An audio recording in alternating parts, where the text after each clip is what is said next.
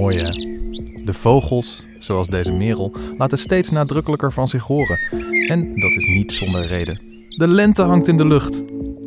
Welkom bij Ondertussen in de Kosmos, de podcast van de wetenschapsredactie van de Volkskrant. Mijn naam is Tony Mudde, chef van die wetenschapsredactie. En ik weet niet hoe het met u zit, maar ik heb nog nooit eerder een jaar gehad waar ik zo bewust verlangde naar de lente. Die rot corona-winter achter de rug, een vaccinatie in het vooruitzicht, terrasjes, vakanties, kom maar door. Maar er is ook iets geks aan de hand met de lente. Door klimaatopwarming is hij flink aan het veranderen en dat doet iets met de mens en ook met de natuur. Ik spreek erover met onze natuurredacteur Jean-Pierre Gele, die ook een coververhaal schreef voor de krant over onze veranderende lentes. Uh, Jean-Pierre, eerst even een basisvraag.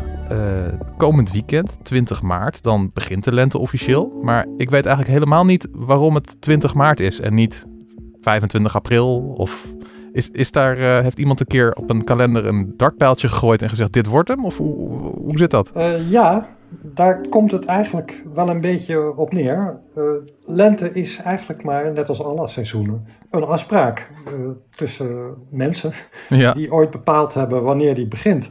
vrij letterlijk in dit geval, de meteorologische lente bijvoorbeeld, die begint op 1 maart.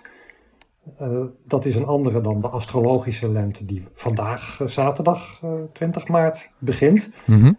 Die afspraak van die meteorologische lente die is gemaakt door, een internationale, door internationale organisaties van weerkundigen in 1780.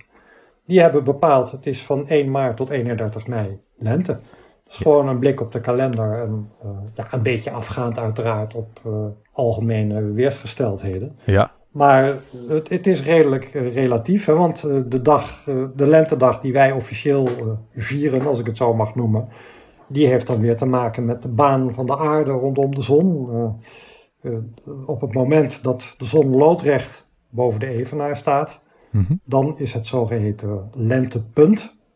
Maart-equinox heet dat ook wel. Mooi woord. En dat is het officiële, ja mooi woord. Dat is het officiële begin van de lente. Maar die valt niet altijd op hetzelfde moment. Dit jaar op 20 maart om 7 over half 12 in de ochtend. Maar hij kan ook wel eens een dag later vallen. Dat is dan weer afhankelijk van die banen. Uh, zo zie je maar hoe relatief het is. En in andere landen hanteren ze ook andere jaartellingen. Althans in, uh, in het verleden.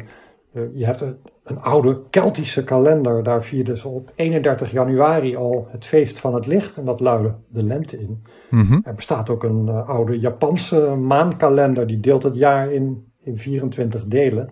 En de lente valt dan op 4 februari. Ik bedoel maar, het is uh, allemaal tamelijk uh, subjectief en relatief. je kunt erover afspreken, over afspreken wat je wilt. En, en ongeacht wat nou precies die datum is, ik heb wel altijd het idee van, ja, naarmate het dan wat warmer begint te worden en we de, de, de winter achter de rug laten, dat mensen dan ook vrolijker worden. Maar ja, dat is mijn eigen idee. Ik heb geen idee. Is dat nou ook zo? Doet dat iets met mensen? Ja, dat is zeker zo. Uh, het heeft allemaal te maken met de lengte van de dagen en de hoeveelheid daglicht, zonlicht die mm -hmm. jij uh, weet te scheppen.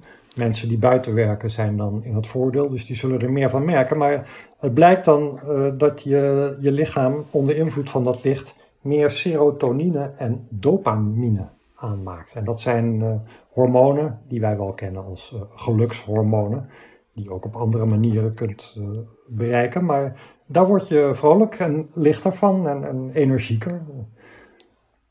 Dus het, het, werkt gewoon echt in op je lichaam, die, dat extra ja, zonnetje. Ja, ja, ja, ik moet één mythe een beetje ontkrachten. je hoort ook vaak zeggen dat mensen dan weer meer zin in seks krijgen. Maar ja, daar wil ik alles van weten, ja. ja, dat dacht ik al. Ik ken je. Dat is, het is niet bewezen. De, een van de theorieën is dat die verhoogde zin in seks ook komt doordat uh, vrouwen met name zich wat luchtiger gaan kleden. Wat dan weer allerlei lustgevoelens uh, opwekt. Ah. Dat heeft verder niet zo heel veel met uh, temperaturen of daglicht te maken. Helder. Dat we dat ook even scherp hebben. Ja. En nou heb jij ook iets uh, ja, ontdekt tijdens het, uh, je onderzoek voor dit uh, artikel. Dat is namelijk dat die lente, dat daar iets geks mee aan de hand is. Dat die namelijk aan het veranderen is door klimaatopwarming. En ja, dat... in, in, in welk opzicht verandert die? Nou, eigenlijk in twee opzichten. Ehm, simpelweg, het is warmer aan het worden. Dat is geen nieuws, dat heb ik ook niet zelf ontdekt. De gemiddelde temperatuur over het algemeen die is gestegen. Ehm, al, dat is al uh, eh, 100 jaar minstens uh, gaande. Mhm. Eh, maar sinds de jaren 80 is, heeft met name het voorjaar, eind jaren 80, een temperatuursprong gemaakt, zoals dat heet. Het is ineens plotseling veel warmer geworden. En dat is momenteel weer een heel klein beetje aan het stabiliseren, maar de trend zet zich nog steeds voor. Uh, en dat is eigenlijk uh, wat, wat er in grote lijnen gaande is. Maar los daarvan, het wordt ook steeds vroeger warmer. Ja. Dus um, de eerste lentedag, die was in, uh, ik heb het opgeschreven, 30 jaar geleden was de eerste lentedag. En dan is het criterium dat het boven de 15 graden moet zijn, mm -hmm. volgens het KNMI in de beeld. Het was 30 jaar geleden op 26 maart, gemiddeld genomen. Oké, ja. Maar uh, de eerste lentedag nu is gemiddeld op 10 maart. Dus daar zit al ruim twee weken verschil in. Dus de lente breekt eerder aan. Eerder, ja, daar komt het wel op neer.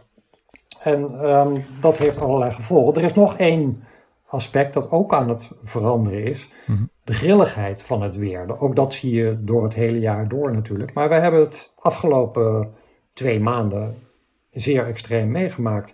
De ene week hebben wij met strenge vorst uh, op de schaats gestaan. En een week later kon je op de terrasjes zitten, zo ongeveer. Omdat het uh, hier en daar wel 18, 19 graden is geworden. Dat weet ik en nog, ja. Die dat, grilligheid. Dat ging echt in één week ging dat van, uh, van schaatsen over de, over de Friese meren naar met van misschien doe ik mijn korte broek wel aan vandaag. Ja, ja, ja. en die grilligheid die ga je steeds meer zien, is de verwachting. We zien überhaupt uh, meer extreme optreden in het weer de laatste tijd. Maar vooral in dat voorjaar is dat van betekenis voor bijvoorbeeld de natuur. Want um, als het vroeger warmer wordt en uh, allerlei organismen gaan zich daarop instellen, de, er komen eitjes uit van insecten, vogels gaan misschien eerder broeden. Uh, dat, dat kan allemaal, dus daar gaan we het dadelijk over hebben. Maar uh, de vraag is uh, wat er gebeurt als het daarna nog eens eventjes een week of misschien wel langer keihard gaat vriezen.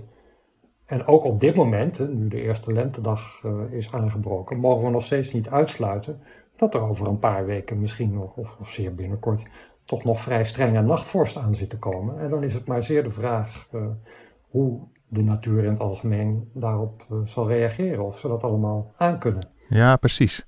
En, en over die natuur, dus daar, gaan we het zo meteen, daar gaan we het zo meteen nog, nog verder over hebben. Hoe die veranderende lentes ingrijpen op de natuur. Uh, doet het ook nog iets met de mens, die veranderende lentes? Uh, jazeker, we hadden het al over de, de, de, de vrolijkheid die toeneemt. Hè? Heel simpel, hoe eerder het warmer is, eh, hoe eerder het eh, fijn is om in de tuin te werken of op een terrasje te zitten, als die weer open mogen van Mark Rutte. Ja. Um, dat is natuurlijk grofweg gewoon, nou oké, okay, de mens is vrij goed in staat om te accepteren dat, uh, dat het eerder lente wordt. Sterker, de meeste mensen zullen dat wel prettig vinden.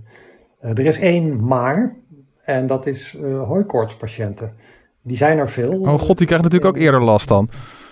Ja, doordat uh, het eerder lente wordt, zo noem ik het toch maar eventjes hier, uh, gaan ook allerlei bomen eerder in bloei staan. De hazelaar, de elzen, dat zijn beruchte pollenverspreiders. Pollen, dat is het stuifmeel van uh, planten en bomen. En er zijn veel mensen met hooikoortsachtige klachten die daar allergisch voor zijn. Dus het hooikoortsseizoen begint eerder. Maar, stop, maar stopt hij dan ook eerder? Want dan denk ik zo van, oké, ja, dan verschuift alles gewoon twee weken. Maar dan uh, zijn ze er ook eerder weer vanaf. of, of, werkt het dan dat nou, dan weer niet zo? Nee, nee helaas niet. Want uh, hooikoorts is een verzamelterm voor allerlei allergieën. Voor allerlei soorten stuifmeel. Mm -hmm. uh, en die worden niet alleen door deze vroege bloeiers verspreid. Maar ook door latere bloeiers. En die zullen niet eerder uitgebloeid zijn. Ja, dus je krijgt eerder Dus de vroege bloeiers voor je hoorkoorts. En die late bloeiers die krijg je gewoon nog steeds voor je kiezen.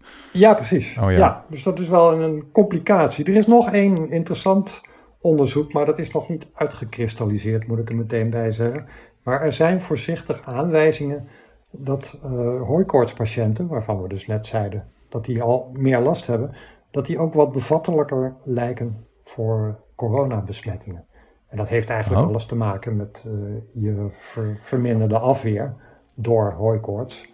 Dan ben je ook eh, bevattelijker voor een, een gewoon griepje. Ja. Maar naar het zich na- laat aanzien, met enige slagen om de arm, eh, geldt dat dus ook voor corona. Nou ja, dan heb je, als je eerder hooikoorts krijgt, heb je dus rechtstreeks te maken met een groter coronarisico door die vroegere lente. Ja, en dan zitten we in de vroege lente, zitten we ook nog eens eh, net, op, net op dat moment dat alle lijntjes nog omhoog gaan. Dus dat, dat, dat kan nog een rol Ja. gaan spelen. Ja, alle besmettingslijntjes en zo bedoel ik. Ja, maar we mogen hopen dat dit een tijdelijke problematiek is. Ja. Maar het is wel een effect van de lente.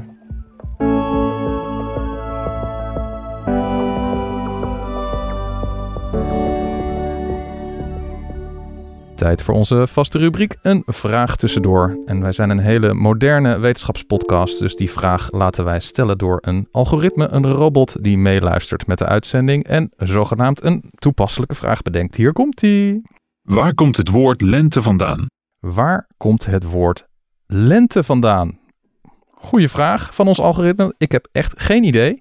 Maar ik heb wel een idee wie ik kan bellen om eh, het antwoord op de vraag te achterhalen. We bellen met Nicolien van der Sijs, hoogleraar historische taalkunde van het Nederlands aan de Radboud Universiteit. En zij is oprichter van de Etymologiebank. Dag mevrouw van der Sijs. Daar. Hallo. Ehm, eh, ja, ja, verlos ons. Waar komt het woord lente vandaan? Nou, het is niet herkenbaar meer, eh, maar het is een oude samenstelling. Het eerste deel, daar zit in lengen of lang. En het tweede deel is van een woord dat niet meer bestaat, tina. Eh, dat is een Germaans woord. Dat betekende dag. Dat bestaat nog wel in bijvoorbeeld het Russisch. Daar is het woord djen, dat is het normale woord voor dag. Het betekent dus het lengen van dagen. De periode waarin de dagen langer worden. En dat is eigenlijk een hele begrijpelijke en goede naam voor lente, denk ik. Eh, Ja, dat is een toepasselijke naam. Ja. Zeker toepasselijk. Eh, wat wel opvalt is dat het ehm, niet in de andere talen voorkomt, in de andere Germaanse talen, bijvoorbeeld het Duits of het Engels. Het Engels kent trouwens wel het woord lent, maar dan staat het voor vaste tijd en dus niet meer voor de lente. Eh, Ah. Ja, dus, dat, dus het is wel hetzelfde woord hoor. En eh, de Duitsers die zeggen vroeling, dus de vroegeling, de vroege tijd. Eh, en wij zeggen ook behalve lente voorjaar. Dus het begin van het jaar. Dus voor lente zijn er in de verschillende Germaanse talen allerlei woorden. En dat valt op, want voor zomer en winter geldt dat helemaal niet. Dus je hebt het woord voor zomer, dus in het Duits en het Engels en het Nederlands hetzelfde. Min of meer, het klinkt een beetje anders, maar hè. Eh, hetzelfde Ja. geldt dus eh, voor de Engels en Duits, de Scandinavische talen, idem dito. Eh, dat betekent dat vroeger de mensen rekenden in twee seizoenen. Dus je had de warme seizoen en de, het, het, het koude seizoen, zomer en winter. En die tussenperiode, de lente, maar ook de herfst, dat zijn veel jongere woorden. En Ja, daardoor is er nu dus veel later variatie. bedacht. Ja, ja, Ja, en daardoor is er nu veel meer variatie, want dat was dus niet een overgeërfd woord wat we allemaal gebruikten, waar we allemaal hetzelfde voor zeiden. Maar dat is eigenlijk in een latere periode, dat toen alle eh, eh, aparte talen hun eigen keuzes gingen maken. Interessant. Nou, Dan weten we nu, alle luisteraars, die weten nu voor, eh, mocht het ooit een keer in een quiz komen en men vraagt waar komt het woord lente vandaan, dat is dus van het langer worden van de dagen, toch? Precies. Hartelijk dank, helder.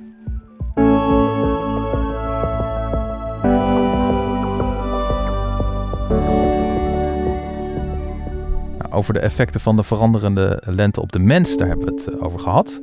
Gaan we nu door naar de natuur. Wat, wat zijn daar nou de effecten? En nou weet ik dat Jean-Pierre eh, vogelaar is en dat hij heel veel vogels waarschijnlijk ook als voorbeelden gaat noemen. En dan gaat elke keer als hij een vogel noemt, ik heb hier namelijk een speciale we- website. En dan ga ik heel snel proberen dat geluid van dat vogeltje bam te laten horen. Zodat u een idee heeft zo van, oh ja, die. Eh, Jean-Pierre, kun je een voorbeeld geven van een dier die het eigenlijk wel prima vindt, die veranderde lentes. Die gewoon vrolijk doorwalst. Ik had eigenlijk verwacht dat er wel allerlei zoogdieren die in winterslaap verkeren, misschien wel eerder wakker zouden worden of ander gedrag zouden vertonen. Maar ik heb gebeld met de zoogdiervereniging, die dat toch een beetje bijhoudt. Maar daar is tot nu toe nog helemaal niks van gebleken. Oké. Dus uh, we kunnen de, de, zoogdieren, en dat zijn er best veel, uh, kunnen we tot nu toe afstrepen. Daar is geen enkel probleem gaande. Oké. ja. ik, ik, ben zelf vogelaar in mijn vrije tijd. Mm -hmm. En ook in mijn gedachten. En ik weet dat de ijsvogel, die profiteert enorm van, überhaupt van, eigenlijk van zachtere winters, dat moet ik zeggen. Want dat is inmiddels wel bekend. De ijsvogel die kan niet tegen ijs. Dan vriest alles dicht en dan kan hij niet bij zijn, bij zijn voedsel, visjes. Waarom heet hij dan in hemelsnaam ijsvogel? Ja, daar zijn hele theorieën over. Die gaan te ver voor deze podcast. Oké. Daarover een andere keer. Ja. Uh, maar uh, hoe zachter die winters worden en hoe minder ijs dus, hoe beter het gaat. En de ijsvogel is de afgelopen jaren behoorlijk geëxplodeerd in aantal. Uh, zij het dat natuurlijk ook daar de grilligheid van het weer ook parten kan spelen. We moeten ervan uitgaan, het is nog niet helemaal duidelijk, maar ik zie het om mij heen al wel, dat dat weekje strenge vorst wat wij onlangs hadden in februari, mm -hmm. dat dat toch wel de nodige slachtoffers heeft gemaakt. En dan heeft zo'n populatie weer even nodig om te herstellen.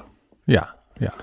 En, en, uh, maar de, de trend van de afgelopen, laat ik zeggen, tien jaar is wel dat het steeds beter met de ijsvogel gaat. En de ijsvogel, dat is dat, die, die hele mooie blauwe, toch? Of zeg ik nu iets ja, verkeerd? heel mooi. Hij flitst over het water. Hij is van beneden is die oranje. Het is eigenlijk een soort tropische vogel die gek genoeg totaal ongemerkt in een boomtak kan zitten. Je denkt, die, die valt enorm op, maar door de val van het zonlicht op zijn veren kan die zomaar uh, onvindbaar zijn. Ja. Fascinerend beestje. En, en uh, ik kan me ook voorstellen, want je had het over van ja, de lentes komen vroeger en het weer wordt wisselvalliger. Ja. Dus van die, van die typische dingen die we dus uh, nou ja, een paar weken geleden hadden. Van dan is het ineens uh, alles dik bevroren en daarna is het super warm. En daarna gaat het misschien, komt er wel weer strenge nachtvorst aan. Ja. Dat lijkt me ook lastig voor dieren. Dat je dus dan uh, denkt zo van, nou, we kunnen beginnen aan, aan de lente. We gaan, uh, we gaan eieren leggen en, uh, en, en, en, en, en, en, de, en de, de zaadjes komen uit. En dan bam, dan komt er weer een, wat Ja. ijs overheen. Op het moment dat je misschien wel op je kwetsbaars bent. Is dat, is dat niet een probleem? Ja, dat is uh, absoluut een probleem. Wat ook veel uh, voorkomt, voorjaarstormen. Dan willen er nog wel eens nesten van, van ja, ik noem maar iets lepelaars of roofvogels verwaaien. Ja. En dan is het einde verhaal. Dat is nu eenmaal waar, ja. Het, het is sowieso gebleken uit, uit waarnemingen dat zangvogels gemiddeld genomen zo'n acht dagen eerder een ei zijn gaan leggen dan 30 jaar geleden. Ah, ja. Uh, het eerste kievitsei, dat is uh, tien dagen eerder gevonden dit jaar dan 100 jaar terug. En ook dat is een beweging die uh, al langer gaande is. Dus dat geeft al aan dat die vogels zich in elk geval weten aan te passen. Het, de waarheid is dat het ook heel erg per soort verschilt. Dus als je vraagt, um, is het goed voor, ik noem maar iets, de vogels dan is dat een heel gevarieerd verhaal. De ene soort weet zich aan te passen aan die vervroeging. Mm-hmm. En de andere soort die, uh, die heeft daar moeite mee. Of de, de rest van de natuur past zich niet voldoende aan. Alles moet tegelijk opgaan uh, bij die beesten. Eh, De omstandigheden moeten meezitten, maar stel uh, ze krijgen ook eerder jongen, wat logisch is als ze eerder gaan broeden. Mm-hmm. En ze zijn afhankelijk van rupsen, koolmezen bijvoorbeeld. Ja. Dan moeten die jongen dus wel exact op het juiste moment uit het ei komen om uh, voldoende rupsen aan te treffen. Als die er dan niet zijn, want rupsen hebben een andere ontwikkeling, uh, die gaan minder makkelijk mee dan vogels, dan ontstaan er dus problemen. En mislukken ja, precies. of krijgen ze minder jongen. Ja. En, en, En, dus eh, het, het is een heel gevarieerd verhaal. En dan hebben we ook nog trekvogels. Ja, die zitten natuurlijk met, die, met Ja. de timing van wanneer wordt het warm en wanneer wordt het koud. En passen die zich dan ook aan? Ja. Zo van, nou, eh, de, trekvogels in Afrika, dat die dan eh, denken van, nou, de, de lente komt tegenwoordig wat eerder in Nederland. We gaan eerder vliegen of zo? Of, Ja, eigenlijk wel. De grote vraag is natuurlijk hoe kunnen ze toch in hemelsnaam eh, 5000 kilometer lager weten dat het hier lekker weer aan het worden is. Ja, Ik heb daarover gesproken met Christian Bot, een eh, onderzoeker van de Rijksuniversiteit Groningen, die eh, de bonte vliegenvanger al heel lang in de gaten houdt. De bonte vliegenvanger is een trekvogel, een mooi beestje, die bij ons komt broeden. En eh, het leek erop dat hij zich eh, de afgelopen 50 jaar vrij moeilijk kon aanpassen. Maar uiteindelijk is hem dat wel gelukt. Dat is eh, mooi voor die bonte vliegenvanger. En de vraag is dan natuurlijk, hoe is hem dat dan gelukt? En gebleken is dat dat, dat moet zijn gekomen door erven, door, door genen, aanpassing in de genen. Dus eigenlijk een soort eh, selectie natuurlijk, natuurlijke selectie. ja, Ehm, maar het is gebleken dat eh, jongen van vogels die vroeger zijn gaan broeden hier in Nederland, dat die zelf volgende jaren, als ze volwassen zijn, ook vroeger naar Nederland komen. En het kan niet anders dan dat ze dat ja, met de genen hebben meegekregen, of door overerving in elk geval. Fascinerend toch? En dat je dus- dan de kind, Ja, kind- dat je, Dus alsof je de, een, kind bent van een eh, ouder die, eh, die, die ook gek is op, eh, op juist vroeg opstaan of, ju- of juist laat naar bed gaan en dat je dat dan gewoon meekrijgt via je genen. ja, daar, daar komt het wel op neer, ja. Ze lezen het ook in elk geval niet in de fabeltjeskrant dat het hier mooi weer wordt. Eh, dit is de enige logische verklaring die er te bedenken valt. Dan hebben we het, het eh, gedrag. Maar dat geldt dus alleen voor de bonte vliegenvanger. Ja. En dat kan niet elke, eh, elke trekvogel hem nazeggen. Ook niet elke standvogel. Die koolmees noemde ik al. Die lijkt wat in problemen te komen. Met name door die rupsenontwikkeling. Nou, dan hebben we het over de veranderende lente, hebben we het gehad over eh, wat het doet met zoogdieren. Nou, niet zo heel veel. Het beeld bij vogels is heel diffuus. En dan hebben we nog zo'n Ja. eh, zo'n typisch lentedier, de vlinder. Ja. Wat gebeurt daarmee? Eh, ook weer een gemengd verhaal. Maar er zijn absoluut winnaars. Eh, het oranje tipje bijvoorbeeld. Mhm. Die, eh, die, blijft vlinder. Eh, dit- dit- dat wordt geen eitje die zich on- ontpopt en een rups wordt. Die is nu zo'n twee weken eerder aan het vliegen geslagen dan, laat ik zeggen, 50 jaar geleden. En zo zijn er meer. De grote vos, dat is ook een vlinder, die is ook al vrij veel gezien deze weken. Ja, En dat is heel bijzonder. Ehm, eigenlijk kun je zeggen dat het goede nieuws eh, is dat er in Nederland meer nieuwe soorten bij zullen komen aan vlinders. Mhm. Want eh, voor- zeker voor de soorten voor wie Nederland eigenlijk aan de noordrand van het verspreidingsgebied lag, ja, vanwege temperaturen, eh, zul je zien dat die steeds meer vanuit het zuiden naar onze kant op komen, omdat het hier warmer wordt. ja. Dus die, die noordgrens van hun verspreidingsgebied, die verschuift wat omhoog. Misschien wel tot in Scandinavië. Eh, waardoor wij dus meer vlindersoorten zullen krijgen die, eh, die wij 50 jaar geleden hier nooit zagen. Dus dat is op zichzelf eh, goed nieuws voor de vlinderliefhebbers. ja. Ehm, ik, dat, dat zei ik ook tegen iemand van de Vlinderstichting. En die zei, ja, maar je moet niet vergeten dat in zijn algemeenheid de vlinderpopulatie wel met driekwart is afgenomen de afgelopen, afgelopen eeuw. Ah, Dus het is ook weer niet zo dat, eh, dat de natuur volop eh, groeit en bloeit doordat het lekkerder weer is geworden. Er is wel degelijk sprake van achteruitgang, in aantallen met name. ja. Ehm, maar eh, de, de andere kant van het verhaal. Maar dat komt dan niet alleen door het klimaat, maar ook door andere dingen. Ja, precies. Dat eh, komt ook door, door, door vervuiling, CO2, stikstof, eh, het verdwijnen van eh, de juiste leefgebieden. Ja, natuurlijk. Het is, het, is, Ehm, het is die vroegere lente en dat veranderende klimaat. Dat is natuurlijk maar gewoon één van de factoren die inspeelt Ja. op hoe dieren, nou, het wel en wee van dieren. Ja, ja, maar al die factoren tezamen zorgen er wel voor dat de natuur in deze tijd wel onder druk staat. Ja. Maar binnen die druk vinden, doen zich allerlei bewegingen voor. En nou ja, een van de aspecten daarvan is dat als jij van vlinders houdt, dat je tegenwoordig meer eh, nieuwe soorten kunt zien dan eh 30 jaar geleden. Dat is op zichzelf Ja. leuk nieuws. En valt nou, eh, ik, ik, denk dat hier een heel genuanceerd antwoord gaat komen, maar eh, valt hier nou een soort slotsom van te maken? Als je nou die hele optelsom maakt met voor- en nadelen van die veranderende lentes. Dus het wordt eh, eerder lente, het, het wordt wisselvalliger, het wordt warmer. Is dat dan goed of slecht voor dierenleven in Nederland? Ja, dat hangt heel erg af van de vraag hoe je zelf in het leven staat. En of het glas half vol of half leeg is. Want het is inderdaad een, een gemengd verhaal. Op zichzelf zijn de ontwikkelingen in met name klimaat verontrustend. Uh, en dat is vooral omdat het tempo van die ontwikkelingen ongekend hoog is. Als je het uh, over duizenden jaren bekijkt. Mm -hmm. waarvan de gevolgen ook nog onvoldoende bekend zijn. Ja. Dat is één lastig aspect.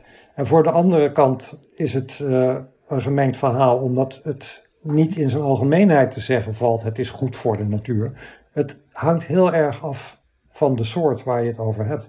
De ene soort, vlinder, vogel of wat dan ook, plant, boom, die gedijt goed onder de huidige omstandigheden en de andere niet. Ja. Daar valt in zijn algemeenheid niks over te zeggen. Uh, Jean-Pierre, tot slot, wat is jouw favoriete lentevogel? Zoek ik de knop weer even op. Het is dat je het me vandaag vraagt. Ik heb vanochtend mijn eerste tjiftjaf gehoord. Daar werd ik heel vrolijk van. Een tjiftjaf die zegt volgens mij ook gewoon tjiftjaf. Ik ga het even opzoeken. Komt-ie?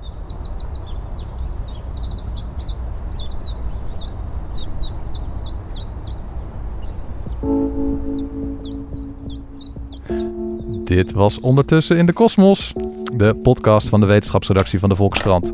Grote dank aan mijn gasten van vandaag, natuurredacteur Jean-Pierre Gele en hoogleraar historische taalkunde Nicoline van der. Verder dank aan ons team achter de schermen, geluidstechnicus Daan Hofstee. En dan hebben we nog de vrouw achter alle podcasts van de Volkskrant. Dat is Corinne van Duin. Zijn er nog meer podcasts dan bij de Volkskrant? Jazeker. Kijk maar eens op volkskrant.nl slash podcast en dan zie je ze allemaal. Die podcasts die zijn gratis te luisteren, maar mocht je nou ook alle artikelen van de Volkskrant uh, willen lezen, en dat zijn er nogal wat uh, uh, elke dag, dan kun je een abonnement afsluiten en dat kan je doen op volkskrant.nl slash lees. En daar ontdek je dat je al een abonnement hebt voor, wat kost dat per week Jean-Pierre, weet je dat? De goedkoopste? Oeh, nu voel ik me heel erg Job Cohen die gevraagd wordt wat een halfje brood kost. Ik heb geen idee. 1 euro per week heb je al een digitaal abonnement. Het is voor niks. Nee, dat is, uh, dat is een, een, kopje koffie op het station zo'n beetje. Dus uh, doe dat zeker. En wie de volgende aflevering van deze podcast niet wil missen, ga dan naar je favoriete podcast-app en abonneer je op Ondertussen in de Kosmos. Mijn naam is Tony Mudde, chef van de wetenschapsredactie van de Volkskrant. Graag tot een volgende keer.